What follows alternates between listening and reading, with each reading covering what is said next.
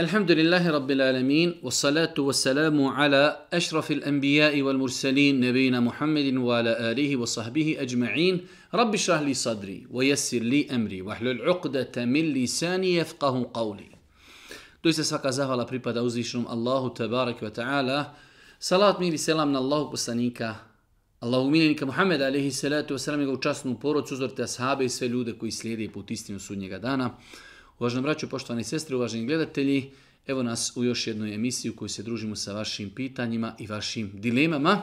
Kao što znate, već dvije sedmice mi smo uveli dva termina, dva termina sedmično zbog mnoštva pitanja koja dolazi, vjerujte i desetine i stotine, a nećemo pretjerati i hiljade e-mailova koji su došli, koji stoje, koji ne možemo stići ni otvoriti, a kamoli na sve njih odgovoriti.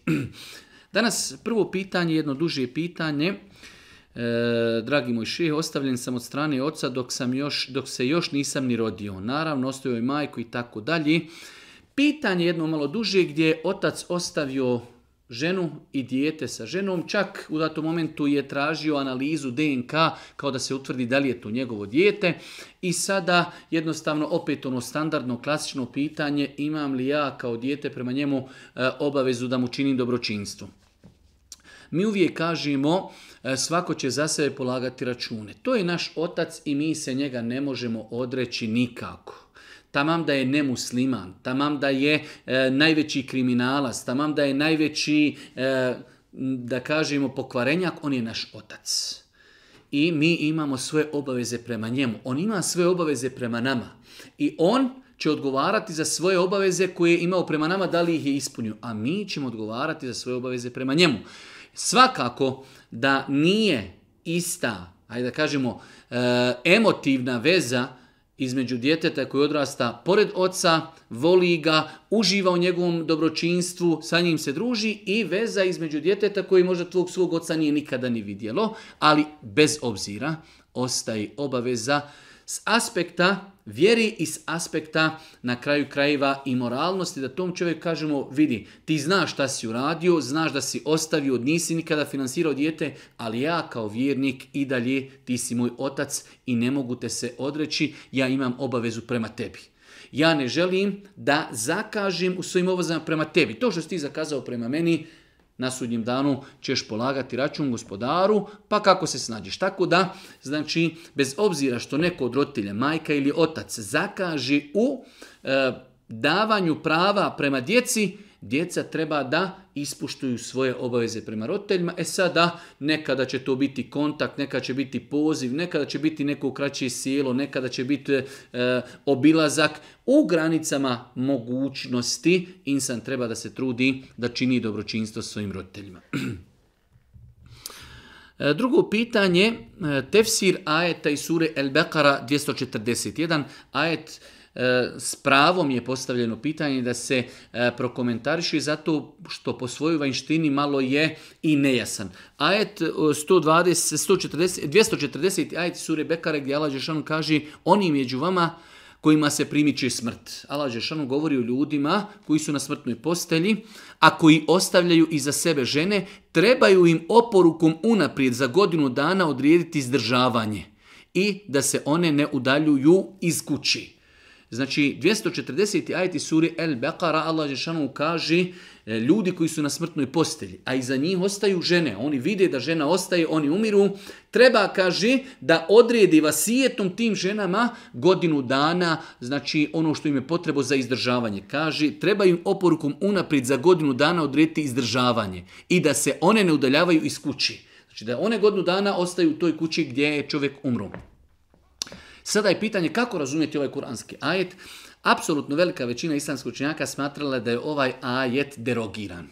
Ovaj ajet je derogiran e, ajetom miraza i ajetom pričeka. Znači, mi znamo u islamu da postoji propis da žena, nakon što njen muž umri, ima četiri mjeseca i deset dana, arba tašurinu ašra. Četiri mjeseca i deset dana ima priček, ima priček e, i e, obilježavanje žalosti četiri mjeseca i deset dana. Četiri mjeseca i deset dana. E, a s druge strane, žena je po mirazu dobila od čovjeka ili četvrtinu ili osminu.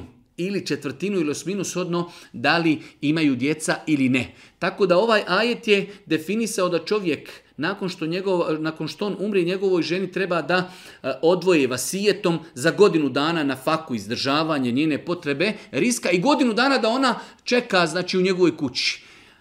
Pa je ovaj ajet derogiran sa dvije vrste ajeta, derogiran je sa ajetima pričeka, pričeka, nakon što čovjek umri, znači žena e, ima e, žalost, obilježavanje žalosti četiri mjeseca i deset dana i ne može se udati četiri mjeseca i deset dana, a s druge strane, Vasijet, e, s druge strane, Miraz je jasno definisao da žena ima dvije situacije u pogledu svoga muža ili nasljeduje, nasljeđuje četvrtinu ako nema čovjek djeci ili nasljeđuje osminu, nasljeđuje osminu ako čovjek E, ima djecu, ako nema djecu nasljeđuju četvrtinu. Tako da ovaj ajet po većini islamskih učenjaka je derogiran, iako ima učenjaka koji su smatrali e, da nije derogiran, ali u svakom slučaju, znači mi ćemo se držati ovog mišljenja e, da je ovaj ajet derogiran i to je zabilježeno i preneseno od velikog broja islamskih učenjaka i velikog broja ashaba iz reda mufesira koji su tumačili Kur'an.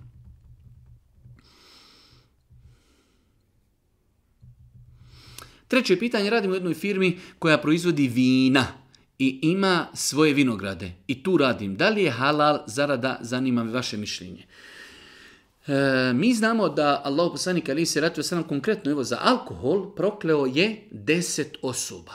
Svi oni koji imaju neki e, dodir sa alkoholom, proizvodnjom alkohola, prodavanjem alkom pijenje alkohola, deset osoba u lancu proizvodnje prodaje pijenja, konzumiranja, donošenja, sve te osobe je prokleo Allah poslanika ali se letu selam, tako da e, bilo koji posao u kojem čovjek potpomaži proizvodnju alkohola i vina, apsolutno je s aspekta islama zabranjen.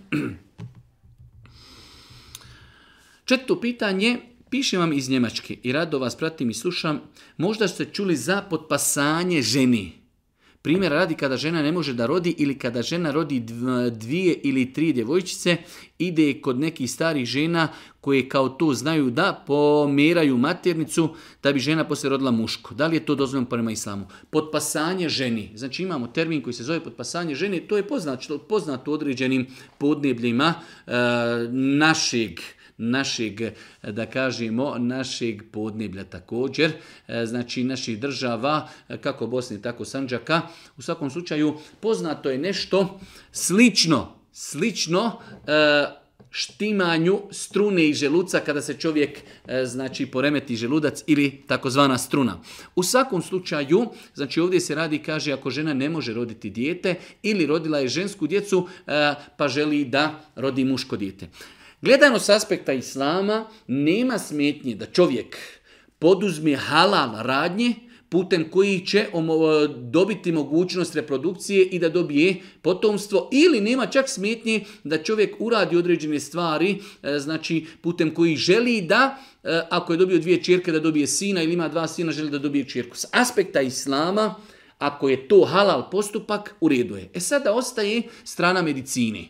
Ostaje strana medicine, e, lično smatram da u ovakvim slučajevima e, osoba koja to želi da radi treba da se konsultuje sa doktorima, medicinarima, da li je to u redu, da li je to ispravno, može li to pomoći i ono što je najbitnije, ne smijemo to nikako vezati za ideologiju, niti za vjerovanje, niti za uvjerenja.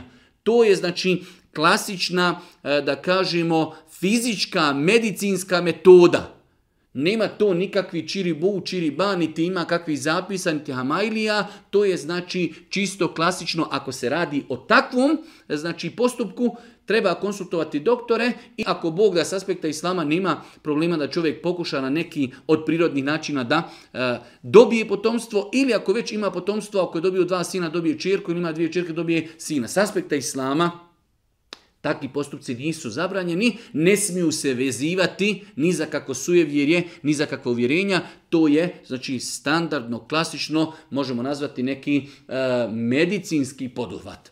Ali u svemu tome i konsultovati, konsultovati e, doktore. Peto pitanje, Dobio sam jučer sina, alhamdulillah, Allah me počastio, šta treba da uradim povodom toga? Kada je u pitanju e, novorođenče u islamu, zapamtite, imamo nekoliko stvari, možemo kazati čak pet stvari koje se mogu uraditi. Prva stvar, e, po velikom broju učenjaka lijepo je proučiti ezan, ali odmah po rođenju. Dijete se rodilo, ako je otac tu prisustvovao porodu ili majka da uzme dijete i da prouči dijetu ezan na desnu To je prva stvar. Druga stvar, pohvalno i lijepo je sedmog dana po rođenju, sedmog dana po rođenju, da se dijete tu obrije kosa, da mu se nadjene ime i da mu se zakolje akika. Akika za muško dijete koje je imućan kolje dvije ovce, za žensko jedna ovca. Znači u jednom dranu radimo tri stvari, brijemo kosu, e, nadjevamo ime i koljemo akiku. Kada u pitanju brijanje kosi, Allah najbolje zna, nema smetnje i da se žensku djetetu obrije kosa. Nakon toga se ta kosica izvaga, izvaga i u protuvrijednosti zlata i srebra udijeli se sadaka. Tako je sve došlo u vjerodostojnim hadisima. Znači kada se obrije kosica, odnese se kod zlatara, on izvaga znači tu kosicu i u protuvrijednosti koliko je teška kosa, e, vrijednost toga kada bi bilo zlato koliko je da se udjeli ili srebra ili zlata, da se znači taj dan da ime, može i prije, može i poslije, ali znači govorimo šta je pohvalno i lijepo i da se zakolje kika, Nakon toga ostaje u tom nekom ranom periodu lijepo je da se dijete osunneti. Islam nije precizirao kada će se dijete osunnetiti, ali i medicinski, a i praktično je pokazano da je lijepo što ranije osunnetiti dijete, što ranije, znači sa 15 dana, sa mjesec dana, sa dva mjeseca, što ranije se osunneti bolje nego da dijete dijete, dijete znači se mora sunetiti u tim nekim, da kažemo, poznim, poznim danima. Tako da, to je ono što možemo kazati vezano za novorođenče. Imamo učenje ezana, imamo klanje akike, brijanje kose, udjeljivanje sadake, nadjevanje imena i obrezivanje. To su neke, da kažemo, najosnovnije stvari koje bi trebalo znati i uprakticirati vezano povodom novorođenčeta.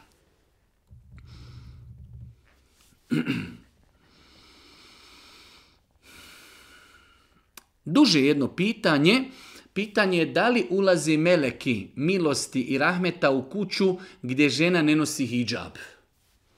Znači pitanje, mi smo kazali kad smo govorili o vjerovanju meleke e, da e, imamo dvije vrste meleka. Imamo meleke koji zapisuju čovjekova e, dobra i loša djela i oni se ne odvajaju čovjeka nikad.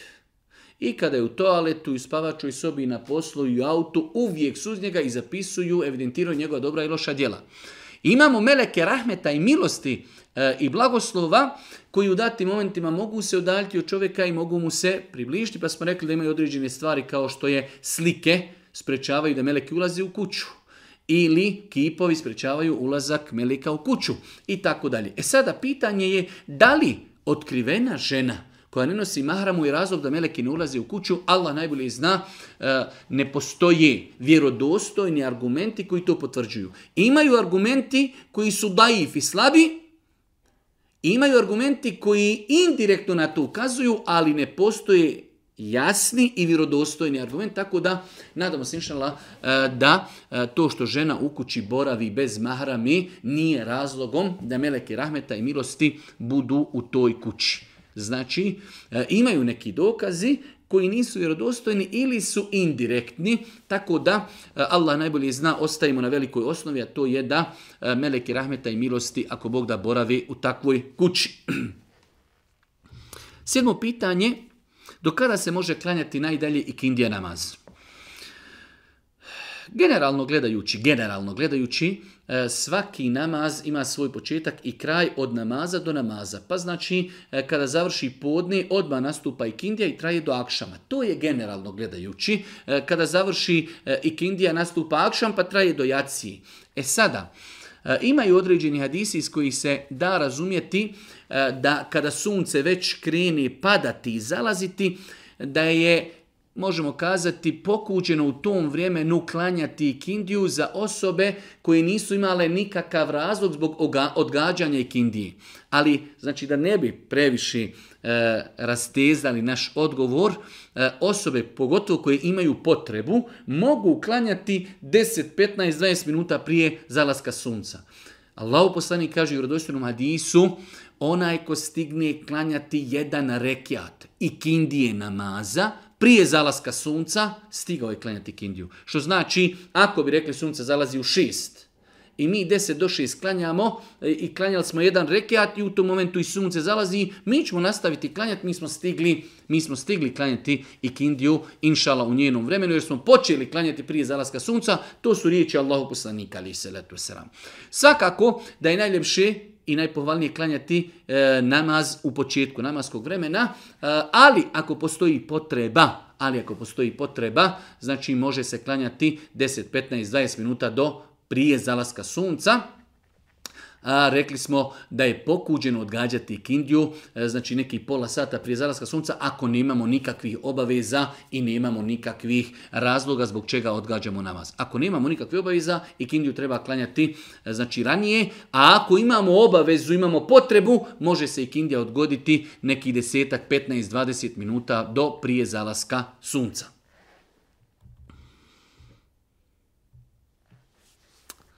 Ako dijete ne priča sa majkom i kada ona umrije ne halali mu, da li to dijete i na bilo koji način poslije e, smrti e, može naći smiraj i tako dalje, može se pokajati.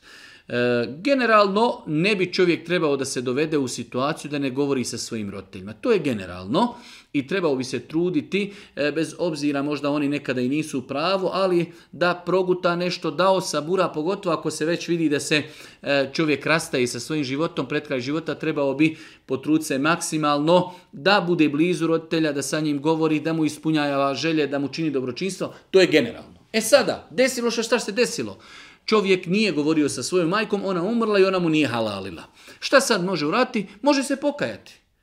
Može se pokajati i nastaviti činiti dobra djela znači u datom momentu za svoju majku. Mi znamo da se može dati sadaka na ime e, roditelja, na ime našeg medjita, može se za roditelja obaviti umra, može se za roditelja obaviti hađ, može se e, za, na ime roditelja dati neka trajna sadaka, trajna sadaka.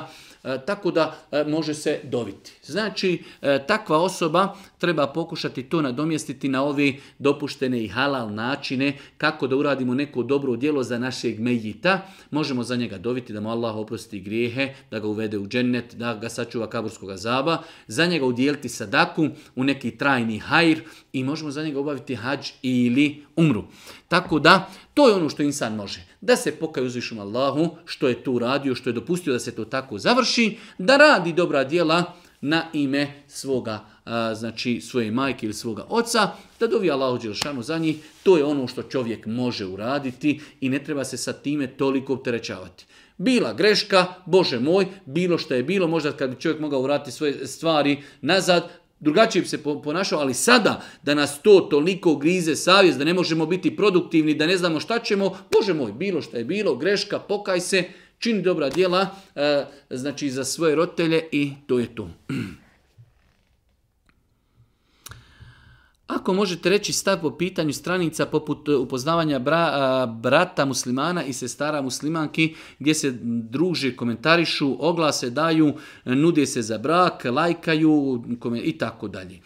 E, generalno gledajući ovakve stranice e, nisu dozvoljene s aspekta islama stranice gdje dolazi gdje ko hoće, kako hoće, stavlja slike, komentarišu, ljudi se javljaju, znači to je, to je ako bi to neko povezivao sa islamom, nema nikakve veze sa islamom. Nema nikakve veze sa islamom. Postoji opcija da se otvori određene stranice, ali ozbiljne stranice pod nadzorom ozbiljnih, povjerljivih pa i učenih osoba koje bi to nadzirale i da to bude znači provjereno bez da ljudi sjede, čataju, komentarišu, javljaju se, objavljuju slike. Ne ali da postoji stranice koje bi e, bile ograničene ograničene šerijetskim ograničenjima. Jer imamo mi zaista nekada i potrebu, čovjek možda živi u nekoj državi gdje nema muslimanki. Ne može naći sebi ženu ili žena živi u nekoj pokrajini, u nekom gradu, ne zna. Pa da se javi na neku stranicu i kaže Esselamu alaikum, javljam se administraciji, ja se zovem tako i tako, e, šta ja znam, imam toliko godina školovana, to i to, to i to. Ako ima neki brat musliman koji je zainteresovan za otprilike ovakvu ženu, koja ima toliko godina, živi na tom podneblju, tako je školan sve, možete li nas spojiti pa ćemo u saglasnost staratelja nastaviti komunikaciju. Znači ozbiljan, ali da žena dođe i postavi sliku, ljudi dol kažu meni se sviđa, meni se ne sviđa, daj broj telefona, kad ćemo izići, daj da te vidim, jesi lijepa, nisi. To je znači to je šprdanje i to je izigravanje sa islamom, nema to nikakve veze sa islamom. To što neko kaže to je islamski način, to je višeženstvo, to je poligamija, to je haram i to nema nikakve veze sa islamom. Znači, ako bi neko htio da nešto uradi, onda to mora biti pod strogim nadzorom povjerljivih i učenih osoba, koje će biti samo šta? Biće veza između ozbiljnih muškaraca i ozbiljnih žena, a uvjet u svemu tome jeste saglasnost staratelja. Da žena kaže, ja vam se javljam u saglasnost moga staratelja, moga oca, moga brata, evo njegov broj telefona, ako ima neki brat koji je ozbiljan, znači i, i da ona napiše, ja bi željela da upoznam muškarca od tih godina i tako dalje, i tako da se pokuša povezivati, ali javno da se stavljaju slike, da se ljudi javno dopisuju, to nikada niko od učenjaka nije dozvolio. E, naime, od skoro, prije nedjelju dana prešao sam na islam i tako dalje. E, čovjek koji prešao na islam iz E, susjedne nam države Srbije ima problema sa izgovorom, što je normalna stvar, imamo problema e, ljudi muslimani koji su rođeni kao muslimani, koji su možda išli u Mejtef određene riječi, na arapskom teško izgovaraju, pa čovjek koji je to sad e, kada posluša neke videoklipove gdje se pojašnjava kako se klanja, neke riječi mu je teško izgovoriti ili razumjeti. Šta je rješenje? Rješenje je ako Bog da, da se čovjek trudi, da sluša i da ako treba čak i određene stvari napiše sebi na papir. Tako da, ako Bog da 10 e, dana, 15 dana, mjesec dana, ako Bog da sve će to poslije biti i jednostavno i lahko, e, jedno samo je bitno da se trudimo, e, nema smetnje čak i u namazu ako bi čovjek ne mogao naučiti etehijatu ili neke znači dove ili neku suru, nema smetnje da čovjek u početku to uzme i čita s papira, iako Bog da ako Bog da, e, u nekom kratkom roku on će e, znači naučiti i klanjati neće imati više potrebu ni za papirom. 11. E, pitanje. Imam 17 godina, sanjala sam kako sam bila u pripremi za udaju, ali se nisam udala. Točnije, probudila sam se iz sna, pa me zanima šta znači. Gledala sam neke islamske sanovnike koji govore da vas očekuje brza smrt. Pogledajte kako ljudi padaju u greške. Žena sanjala da se udaje i nije se uspjela udati, probudila se, islamski sanovnik, ha, ako ste sanjali da ste se trebali udati, niste se udali, očekujte brzu smrt. Šta ćemo sad? Greška je tumačiti snove i tražiti tumačenje snova u takozvanim islamskim sanovnicima. Makar to bio sanovnik Ibnu Sirina, pripisivanje tog sanovnika Ibnu Sirinu, Ibnu Sirinu, Sirinu nije tačno. To je lažna Ibnu Sirina, tako i da je tačno, nije ispravno tumačiti snove putem sanovnika.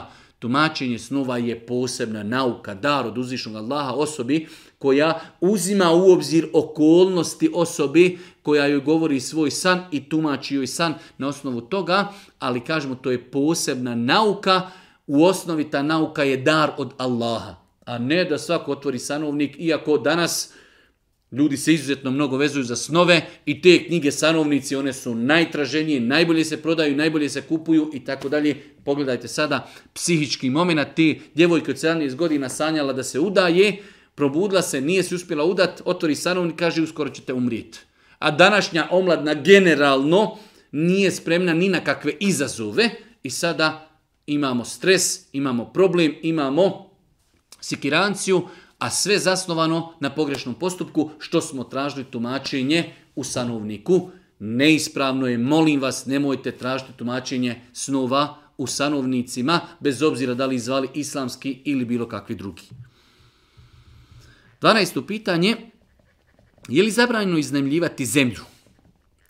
Da li je dozvoljeno rentati zemljište? jeste dozvoljeno rentati zemljište, samo je bitno da se jasno precizira na koliki period se daje i kolika je renta. Šta će se raditi na tom zemljištu?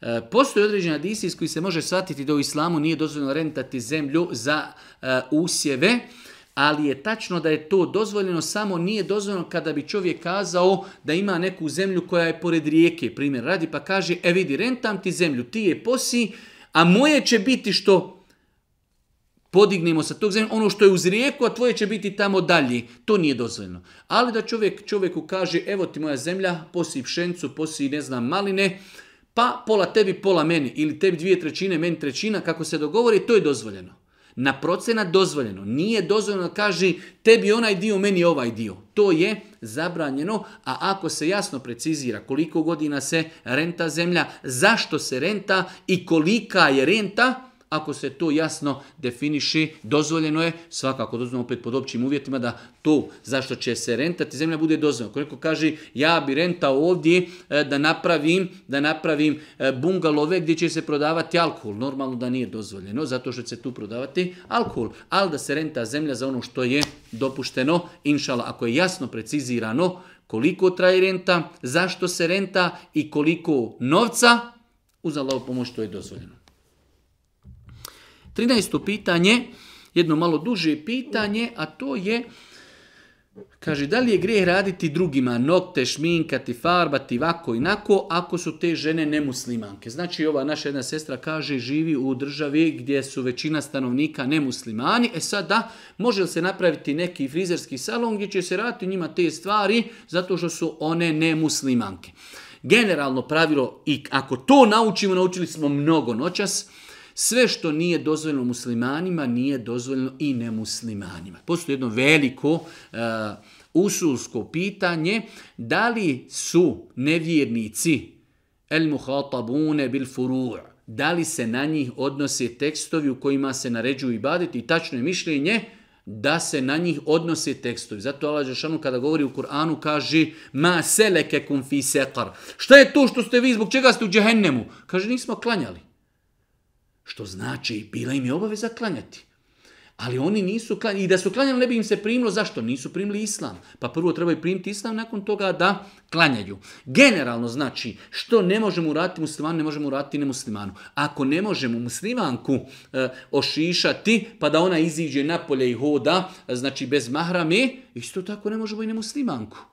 Sve što ne možemo raditi muslimankama, ne možemo raditi ni muslimanka. Mi možemo žena koja je pod mahramom, kaže dođi e, frizirka, e, žena koja frizira, e, znači žene kaže dođi mi kući ošišaj me ova ili je pošiša, ona sutra kad izlazi napolje nosi mahramu, to je dozvoljeno. Ili žena kaže imam frizerski salon u kojem e, friziramo i prema frizure ženama koje su pokrivene, kada žena uđe, e, zaključa vrata, navuče zavjese, lijepo pošiša ženu, ova pokrije mahramu i mirna Bosna. To je dozvoljeno, ali ako dođe žena koja je otkrivena i kaže želim da me uljepšate i tako ide napolje, ne može se to ni muslimankama ni nemuslimankama i to je učestvovanje u grijehu.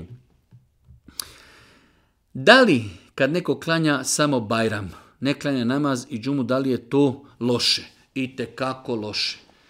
Da li se može da se samo klanja Bajram, a da se ne klanja, kaže Đuma i ostali namazi. E, fino je što se klanja Bajram i time se pokazuje pripadnost vjeri islamu, ali i džuma i pet vakata namaza su na mnogo većem levelu, na mnogo većem levelu i na mnogo većem stepenu opasnosti i ozbiljnosti od klanjanja bajrama.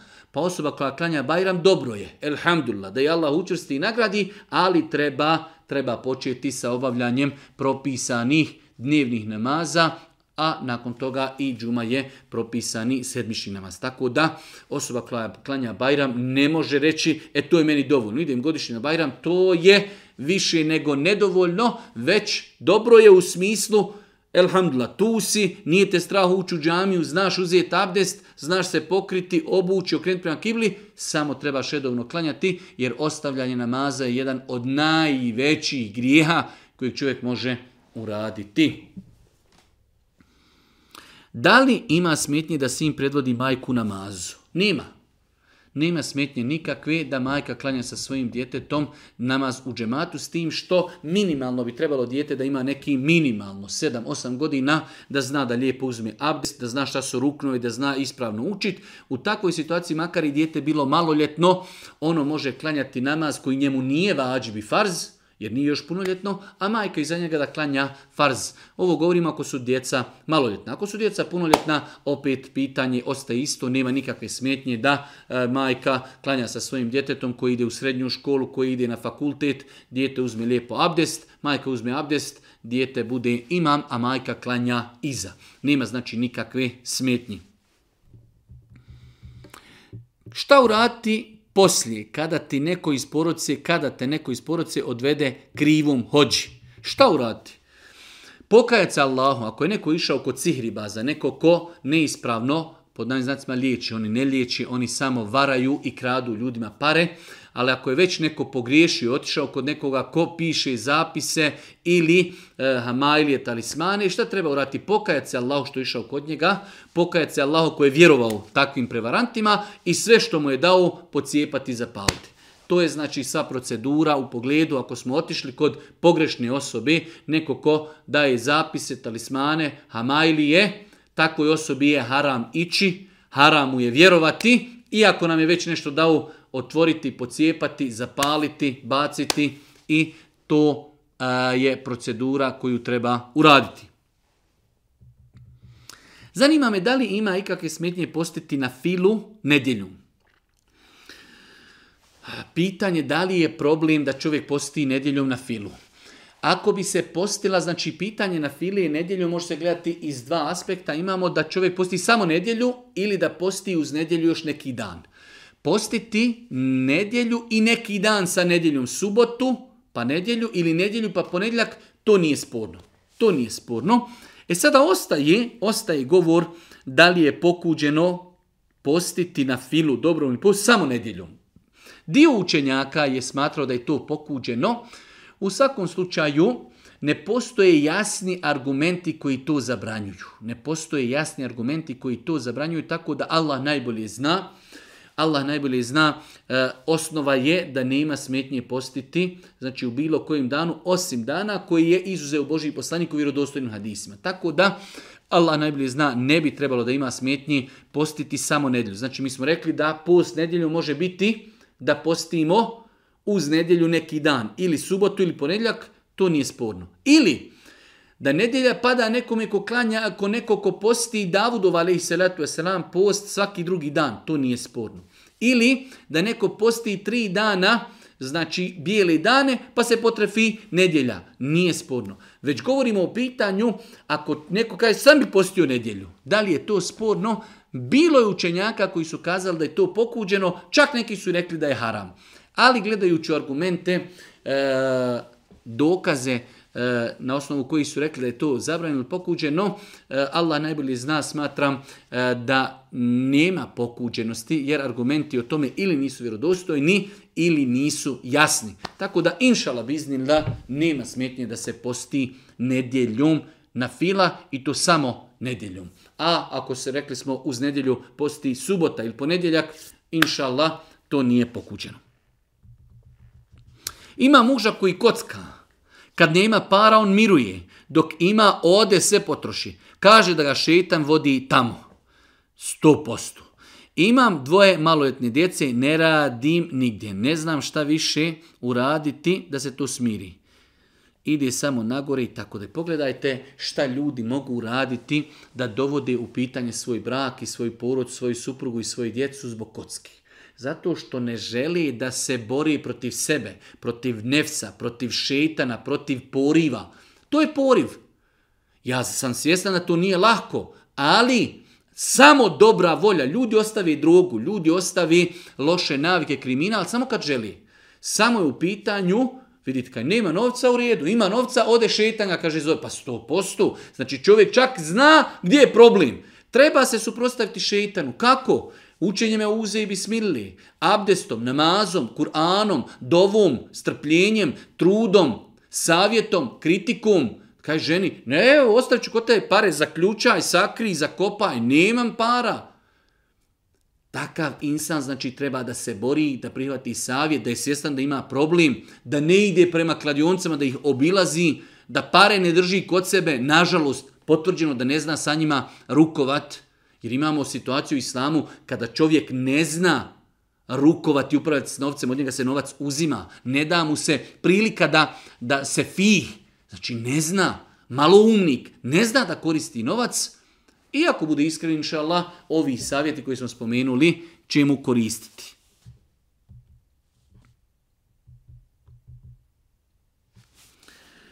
Naime, nakon rođenja bebe ostavila sam u kutiju uspomena, kutiju uspomina, odjeću u kojoj se beba, koju bebi izašla iz bolnice, pupak i pramin kosi. Je to ispravno? Duže pitanje.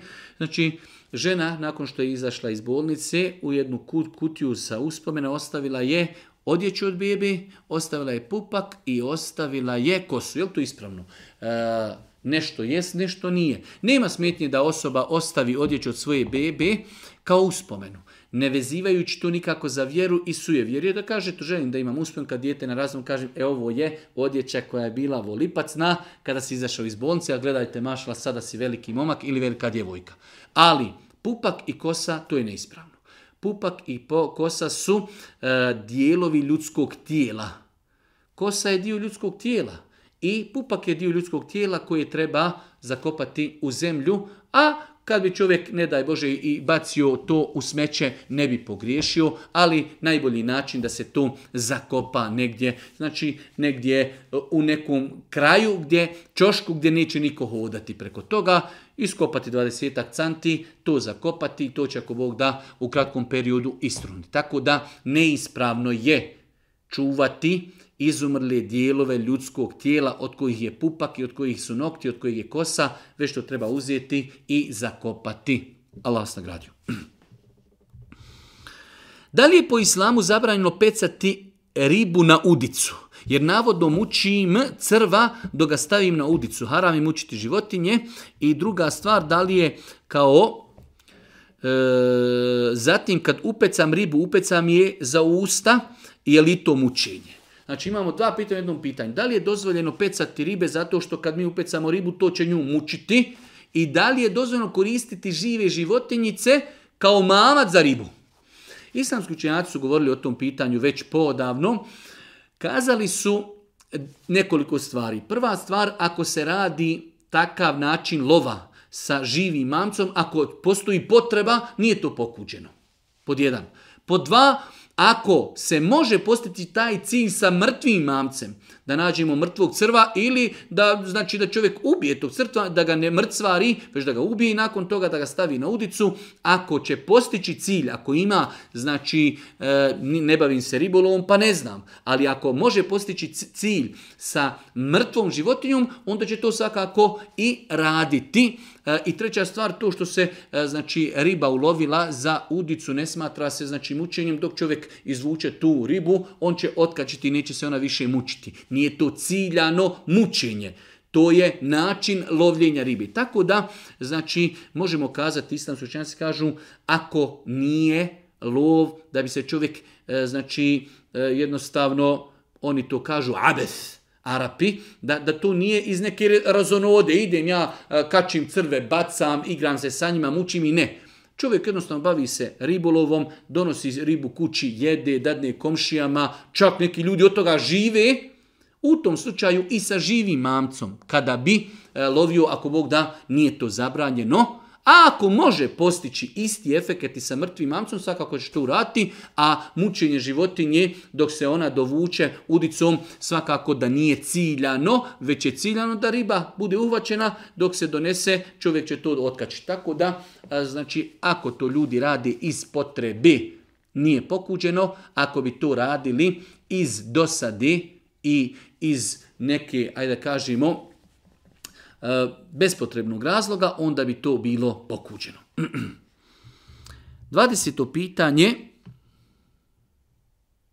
malo duže pitanje, e, čovjek i žena su poprilično imućni, e, putuju po svijetu dosta. Ima, znači, muž od te žene ima svoje roditelje, koje pomaže, a svakako da bi ih mogao mnogo više pomagati ako ne bi putovao. Pa sada kako napraviti, kako napraviti, hajde da kažemo, odnosno ispravno postupiti. sam su kazali nekoliko stvari, e, imamo obavezno izdržavanje roditelja i pohvalno. Obavezno izdržavanje roditelja kada roditelji imaju potrebu. Stari su, ne zarađuju, imaju potrebu, a mi imamo višak. Tada je nama obaveza da ih izdržavamo. Ako imamo znači dva uvjeta, roditelji potrebni, mi imamo višak, tada je nama obaveza da ih finansiramo. Može se imamo većina ljudi u starim danima, imaju neku penziju, žive od toga, znači i može im biti. Ali imate ljudi koji su potrebi. Zaista ne možemo penzija biti, ne možemo znači, pokriti njegove troškove, znači potreban je za hranu, za liječenje, za, za, za komunalije i tako dalje, a sin imućan ima višak od potrebi, tada mu je vađiv da pomogne svoje roditelje.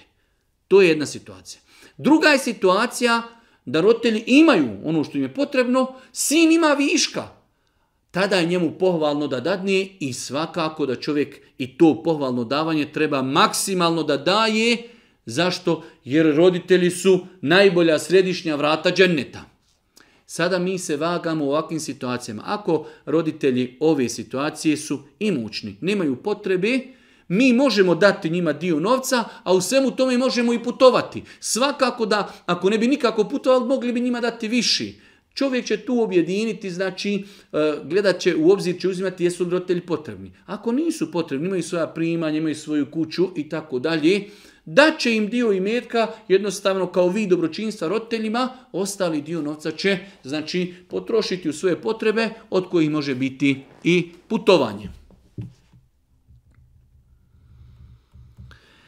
Da li kvari abdest i da li gubim abdest kada se rukujem sa ženskom osobom bila udata ili ne, a kojoj nisam mahrem? Znam da je rukovanje sa ženskim osobom zabrajno, kojima nisam mahrem. Znači, pitanje iz dva dijela Čovjek kaže, znam da je rukovanje sa ženama kojima ja nisam mahrem haram. To je nama dobro. To je već pola odgovora. Čovjek kaže, znam da mi je rukovac sa ženama kojima ja nisam mahrem haram. Ali ako već se desilo da sam se rukovao, da li sam izgubio abdest? Ne. Tačno je mišljenje znači da doticanje ženskog tijela ne kvari abdest. Bilo učenjaka koji su smatrali da čovjek ako dotakne žensko da kvari abdest, ali je tačno, znači apsolutno tačno da ne kvari abdest. E sada ovdje neko će se e, zapitati mnogo puta su te nejasnoće bile, ali učinio haram zar nije izgubio abdest? Ne. Postoji drugi mnogi harami koji čovjek, ne daj Bože, čovjek ukrao nešto, ali ima abdest. Ili izgubio abdest? Nije. Čovjek sluša muziku pod abdestom. Da li izgubio abdest? Nije. Slušanje muzike je haram. Ukrasti je haram. poselamti se sa i pozdraviti sa ženom koju nisi mahram je haram. Ali to nema veze sa abdestom. Nikako ovo ne znači da odobravamo rukovanje sa ženama. Rukovanje sa ženama koji nisu mahram je haram i zabranjeno. Ali, da li to kvari abdest? Ne kvari abdest. Pa ne smijemo vezivati abdest za činjenje nekog harama, Abdest gube stvari koje su jasno precizirane govorom islamskih učenjaka, odnosno hadisima, Kur'anom, hadisima i e, analizom islamskih učenjaka. da li valja robu i obuću od umrlog zadržati u kući? Čula sam da to ne valja. Nije tačno. E, sad, mora da znamo sve što ostane nakon Mejita je podležno njegovom mirazu. Možete imati ljudi koji nakon sebe ostavi nakit, nakon sebe ostavi odjeću koja je markirana, odjeću koja je možda vrijedna hiljade i stotine hiljada maraka. E, znači, sve to može potpadati pod podjelu. Ali, e, da mi prihvatimo činjenicu da je to neko dobio na ispravan šerijetski način. Da li je to ostalo, da li je to dobio, da li je roba medjita, da li je pokuđeno nositi, apsolutno ne. Neko nosio, kupio sebi hlače, kupio sako, kupio ne znam, nija sat i umro. Mi u nasljedstvo dobili tu njegovu odjeću. Je li to nešto sporno? Apsolutno ne. Apsolutno ne. Ako nam ta odjeća, obuća koja je halal, ispravna, nama se sviđa, nema nikakve smetnje da to nosimo.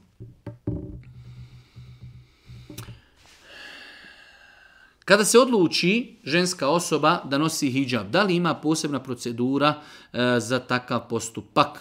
E, nažalost, e, u zadnje vrijeme sve više osoba koje proturaju kod ljudi priču kako žena koja želi da se pokrije ima neku proceduru, te treba ovo, treba ono, treba organizirati, treba urati, treba dovu, treba ozaničiti, što nema nikakvog temeljenja u islamu. Žena koja želi da se pokrije, da počne ispunjavati Allahu farz. Nošenje mahrame i punoljetnoj ženi Allahu farz prema ženama.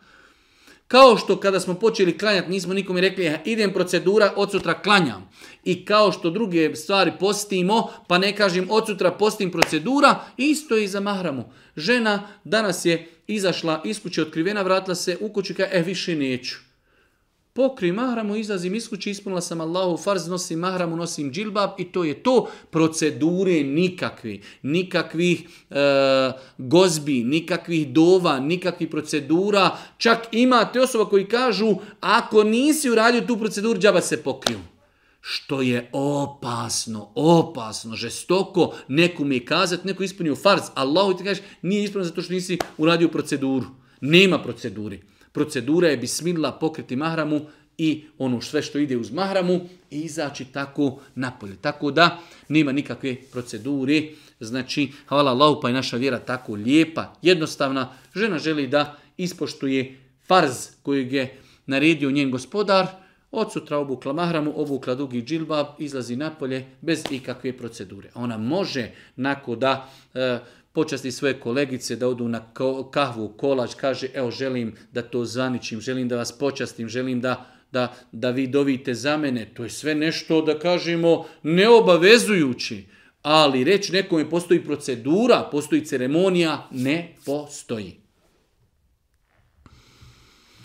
Zanima me da li žene tokom mjesečnice dozvano da, da udovi čita glasno, da dovu čita glasno i da izgovara ajetul kursi. E, nema smetnje da žena dok je u periodu mjesečnice uči od Kur'ana ono što zna na pamet. Znači žena koja zna nešto na pamet kad krene spavat da prouči kulhu huvalla, fela, nas, čak šta više, pošto ne klanja i ona je u tom nekom nečistom stanju, pravno nečistom stanju, ona je sad najbitnija da ona sad uči zikrove, da uči ajtul kursi, da uči kulhu valla, kulhu fela, kulhu rabi nas, da bi se zaštitila od djelovanja e, džina i šitan, tako da nema smetnje da žena u periodu hajza i nifasa dovi, kao što nema e, smetnje da zikri veliča Allaha, subhanallah, alhamdulillah, Allahu ekber, la ilaha illa, wahdehu i tako dalje. I nema smetnje da ono što zna od Kur'ana uči na pamet. Dobila, dobili smo kobasicu od konjskog mesa. Čitala sam da je pokuđeno konzumirati meso, tako što uraditi sa tim. Nije tačno da je konzumiranje konjskog mesa pokuđeno. U vjerodostojnom disma stoji da je za vrijeme Božih poslanika meso konjsko se konzumiralo i da je halal i dozvoljeno. Tako da ostaje samo moment kobasice, konjsko meso, kako su te kobasice, e, jesu li one, kako je konjsko meso priređeno, ili halal zaklano. Ako je konjsko meso halal zaklano i kobasice su halal. Može neko reći, meni se konjsko meso ne jede. To je privatna stvar. Da li će neko, mi se ne jede teletina, nekome se ne jede piletina, neko ne jede puretinu. To je privatno. Mi govorimo o islamu. Stav islama je da konjsko meso dozvoljeno jesti ako se na ispravan šerijatski način zakolji.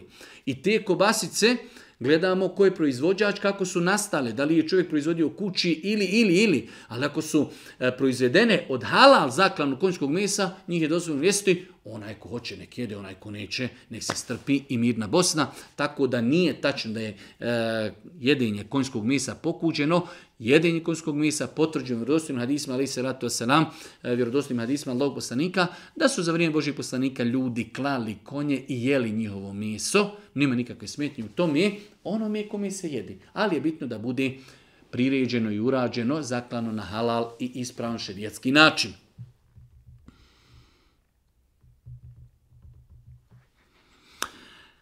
Gledao sam na YouTube-u kada objašnjavate uzmanje abdesta i tu ne potirite vrat e, rukama i tako dalje, e, šta je i kakav je odgovor na sve to. Generalno gledajući, e, mi kada smo snimali kako se uzima abdest, da, nismo potirali vrat, zato što argumenti Buharije i muslima, vjerodostojni hadis koji govori o tome kako je Allah poslanik abdestio, ne spominju potiranje po vratu vjerodostojni argumenti iz najvjerodostojnijih hadijskih zbirki Buharija i Muslim ili kuranski ajet koji govori o po, po abdestu ne spominju potiranje vrata. Tako da, e, znači argumenti koji ukazuju na potiranje vrata ili nisu vjerodostojni ili su indirektni ili su indirektni, tako da e, nema potrebe da se prilikom abdesta potiri vrat. Čak po nekim učenjacima potiranje po vratu prilikom abdesta je haram. Zato što je Boži poslanik pojasnio kako se abdesti i kazao ovo je abdest kako sam ja abdestio i kako su abdestili poslanici prije mene. Ko nešto doda na ovaj abdest? Potiranje po vratu i dodavanje. Na ono što bilježi Buharija i Muslim. Na ono što stoji u Kur'anu kaže ko doda ta je, ta je počinio nepravdu i činio je zulum. Tako da e, nema potrebe da se prilikom, prilikom abdesta potiri vrat. Osoba koja je naučila, kaže ja tako naučio dede, naučio mejtefu, ja ne znam drugačije, molimo Allah Đelšanu da mu oprosti i da oprosti onima od kojih je tako naučio, ali omladina koja razumije šta znači dokaz, šta znači Buharija, šta znači muslim, šta znači kuranski ajet, koja može se vratiti na mezhebe, treba omladinu odgajati da je takva stvar znači neutemeljena i da ne treba prilikom abdesta potirati vrat. Jedno malo duže pitanje gdje jedan naš brat kaže, e, smatra stava je da je dozvoljeno piti bezalkoholnu pivu. Trudi se da kada pije bezalkoholnu pivu, da pije pivu na kojoj piše bezalkoholno pivo 0,0 alkohola ali kaže na nekim pivama je našao da e, piše bezalkoholno, ali ne piše 0,0, pa kada je pogledao njihov sastav kao zakonski je to dozvoljeno da piše 0,0,5. E da li je takve pive bezalkoholne dozvoljeno piti? Da, dozvoljeno je piti, Allah najbolje zna, zato što e, taj neki procenat koji je e, 0,5 nije znači ni 1%, 0,5%. 0,5%, e, sigurno e, neće čovjek osjetiti opojnost alkohola. Mi smo više puta govorili, alkohol kada bi uzeli kaplicu samog alkohola i popili, to je haram. Ali mi govorimo o situaciji kada je neko, ne mi, proizveo piće u kojem ima procenat alkohola, ali se ne osjeti opojnost toga. Imate ljudi koji ovi, ova pitanja bezalkoholne pivi kao da je kufr, kao da je širk, kao da je znači djelo koje izvodi iz zvjeri. Onaj koji se to ne pije, nek ne pije. Mi govorimo s aspekta govora islamskih učenjaka i ovo vrijedi i za čokolade, i za keks, i za smoki, i za bezalkoholnu pivu, za svaki proizvod u kojem ima malehan procenat alkohola koje kada mi konzumiramo ne osjetimo tragove alkohola. Ako mi ne osjetimo tragove alkohola u pojnosti, to je dozvoljeno konzumirati i piti. Da li će to neko prihvatiti ili ne, kao malo prije pitanje konjskog mesa, da li će ga neko prihvatiti ili ne, to nas ne interesuje. Nas interesuje propis. 28. pitanje. Da li je djetetu dozvoljeno stavljati crveni konac na ruku, naučenu rukju na konac? Neispravno, apsolutno. Rukja se ne može učiti na konac ruke se može učiti djetu da stavimo ruku na njega i da učimo rukju djetetu ili da učimo iznad njega Kur'an ili na nešto što će popiti ili pojesti. To je, ali naučiti rukju na konac i navezati, to je haram i neispravno i nemojte se igrati sa takvim stvarima. Čovjek sa takvim stvarima može počiniti širk. Tako da, ako neko već želi da zaštiti svoje dijete, onda će učiti dove prenesene od Božijeg poslanika, ali se letu selam, u'idhuke bi kelimati Allahi tameh, min kulli šeitanin, wa hameh, wa min kulli ajnin lameh.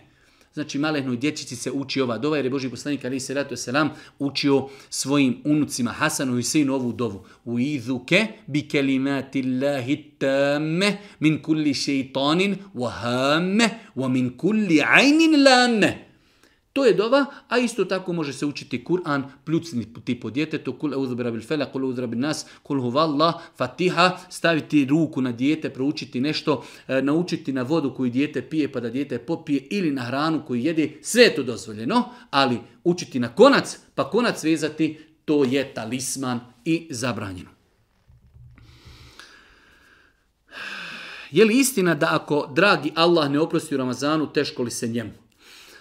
E, imamo hadise u kojima Allah poslanik ali se letu selam postičući ljude da rade dobro u Ramazanu kazao tako teško se ono mi doživi Ramazan i ne budemo oprošteno.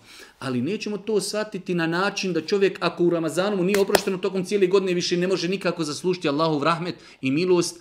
To je vid postreka da čovjek iskoristi Ramazan, da klanja noći namaze, da posti, da dovi Allahu te ta'ala i znači tražeći Allahovu rahmet, milost, Znači da je čudno je, da je moguće da je neko doživio Ramazan i tolike prilike da mu se oprosti, njemu nije oprošteno. Ali to ne znači e, da, da čovjek ako mu nije oprošteno Ramazanu, da tokom cijele godine dalje ne može tražiti Allahu oprost i da je uradio nešto zabranjeno. Ne. I posljednje pitanje, e, pitanje da li je dozvoljeno odlaziti u tekije radi učestvovanju u zajedničkom zikru. E, dvije stvari vezano za tekije i zajedničke zikrove u tekijama. Prva stvar, e, tekija kao pojam tekije je nepoznata originalnom islamu. U islamu imamo jednu jedinu instituciju koja se zove mesčid, džamija, gdje se klanja i tu se obavljaju svi drugi ibadeti. Znači, od vremena Božeg poslanika, pa ashabi, pa tabeini i prve generacije nije im bilo poznato da ima nešto što se zove tekija, mjesto gdje ljudi idu da Eh, zikri. Osoba u islamu koja hoće da zikri, da veliča Allah, može zikriti u kući, u autu, a može i u džami. Tako da s aspekta tekija ne postoji u islamu. Sve što neko kaze, pa šeh ima u Bosni, ima u Turskoj, ima u Francuskoj, ima u Bugarskoj. Imamo mi bruku mnogi stvari koje imamo mi, praktikujemo, mislimo da je to islam, a to nema nikakve veze sa islamom. Tako da eh, to ne dolazi u obzir takav način dokazivanja. To što postoji nešto, kod nas postoji musliman koji nosaju hamajlije, zapise, dovišta, sedmine, četiresice i sve to u paketu islama, to nema nikakve veze sa islamom. I to u paketu je zajedno i tekije. E sad dolazimo do čega? Do drugog dijela. Idem u tekiju zbog čega? Dok zajedničkog zikra.